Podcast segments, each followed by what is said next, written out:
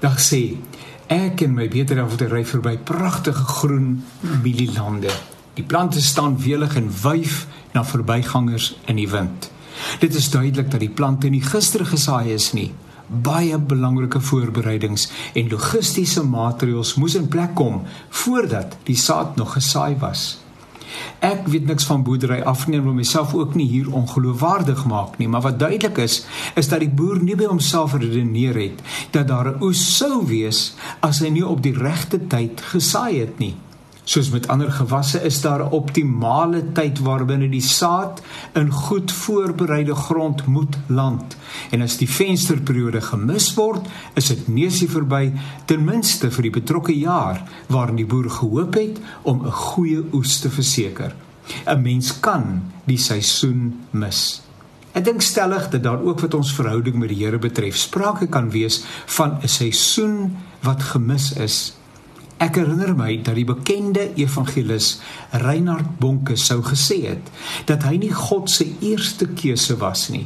Die Here het aan die deur van twee ander persone geklop, maar nie een van hulle was bereid of beskikbaar vir die taak nie. Nou, dit beteken sekerlik nie dat die gevierde evangelis nie goed genoeg was vir die taak nie. Want dit gaan tog nie in die eerste plek oor ons geskiktheid al dan nie, maar ons bereidwilligheid ons beskikbaarheid. God roep en maak bekwam. Uit onsself is ons nie in staat om enige iets betekenisvol te verrig nie. Hy doen die werk. Ons sluit by hom aan en ons leer van hom.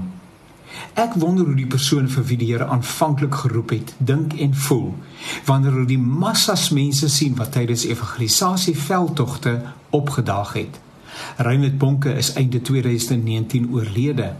Dit moet 'n asemrowende ervaring gewees het om massas mense te bedien. Ja, dit was duiseligwekkende hoeveelheid mense.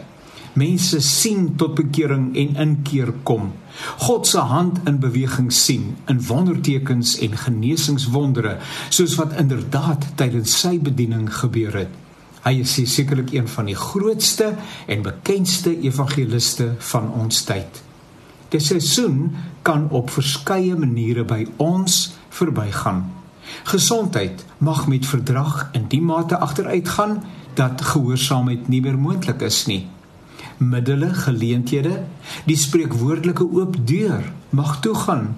Geleenthede kom en gaan.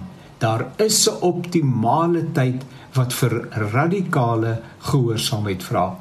Waartoe roep die Here jou al geruime tyd? Koop die tyd uit. Moenie verskonings maak nie. Laat 2024 punte tel in God se koninkryk.